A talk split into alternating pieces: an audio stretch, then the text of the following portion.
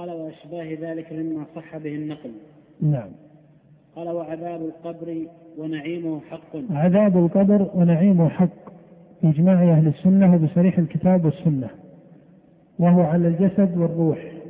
ومن قال إن العذاب يكون على الروح فقط وأن الجسد بعد الموت لا يمسه شيء من العذاب فهذا من أقوال أهل البدع وأصله من أقوال المعتزلة.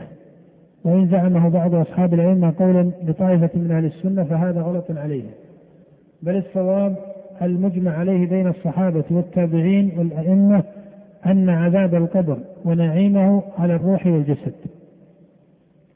وإن كان ماهية الاتصال للروح بالجسد ليست كماهية اتصال للروح في الجسد قبل إيش؟ قبل الموت. ماهية اتصال الروح بالجسد الروح الآن متصلة بالجسد وقت الحياة أليس كذلك؟ والإنسان يتنعم في حياته بنعيم الدنيا أو يتعذب في حياته بعذاب الدنيا الذي يقع له عرضا أو قصدا إلى آخره. اتصال الروح بجسده حال الدنيا بالقطع أنها ليس كاتصالها بعد الموت فهناك لها ماهية ما وهنا لها ماهية ما وإذا كان الإنسان في حال حياته أو بعبارة أقرب إلى التقريب إذا قال قائل وكيف تتصل الروح بالجسد بعد الموت؟ قيل له وهل أنت أدركت كيف تتصل الروح بالجسد؟ إيش؟ قبل الموت. هل أحد يستطيع أن أن يصور ماهية الروح وعلاقة الروح بالجسد الآن؟ الذي يدركه الناس أن الروح موجودة وأنها محركة للجسد. هذا علم ضروري حسي.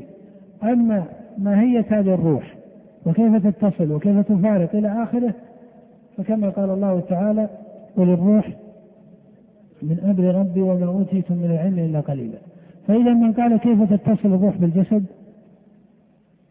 قيل وهل فقهت وتصورت. كيف تتصل الروح بالجسد حال الموت حال الحياة؟ ودرجة فوق ذلك حال النوم. وهنا ترى أن أن الآيات الشاهدة تدل على صدق الآيات الإيش؟ الغيبية. الآيات الشاهدة في يقظة الإنسان وفي منامه تدل على صدق الآيات الغيبية مما قضى به الله سبحانه وتعالى مما يكون في القبر من النعيم والعذاب على الروح والجسد. نعم. وقد استعاذ النبي صلى الله عليه وسلم منه وأمر به في كل صلاة قال فتنة القبر حق أمر به في كل صلاة أي أمر بالاستعاذة من عذاب القبر. وهل ذلك على سبيل الوجوب أم على سبيل الاستحباب؟ الجمهور أنه مستحب وهو الصحيح. وذهب طائفة وهو قول في مذهب الإمام أو هو رواية عن الإمام أحمد هي المرجحة عند متأخر أصحابه أن ذلك على الوجوب. نعم. قال وفتنة القبر حق وسؤال منكر ونكير مراده بفتنة القبر هي ابتلاء الإنسان في قبره فإن كل أحد يبتلى في قبره بالسؤال يسأل عن ربه وعن دينه وعن نبيه صلى الله عليه وسلم. فهذا هو المراد بفتنة القبر أي الناس يبتلون في قبورهم فيسألون هذا السؤال فالمؤمن يجيب جوابا حقا والمنافق والكافر يتعذر عليه الجواب. نعم. وسؤال منكر ونكير حق. هذا يعني منكر ونكير هما هما الملكان.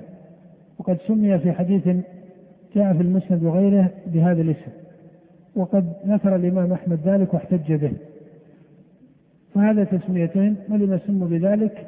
اولا يقال هذا مبني على ثبوت النص بذلك. فإن بعض أهل العلم لا يصحح هذه التسمية وجهة ثبوتها إلى النبي صلى الله عليه وسلم. وإن كان ثبوت أمر الملكين هذا ثبوت بين صريح. لكن هل يسمى منكر ونكير؟ هذه مسألة أخرى. وإذا كان كذلك فلما سموا بذلك؟ يمكن من الجواب الفاضل أن يقال الله أعلم بذلك.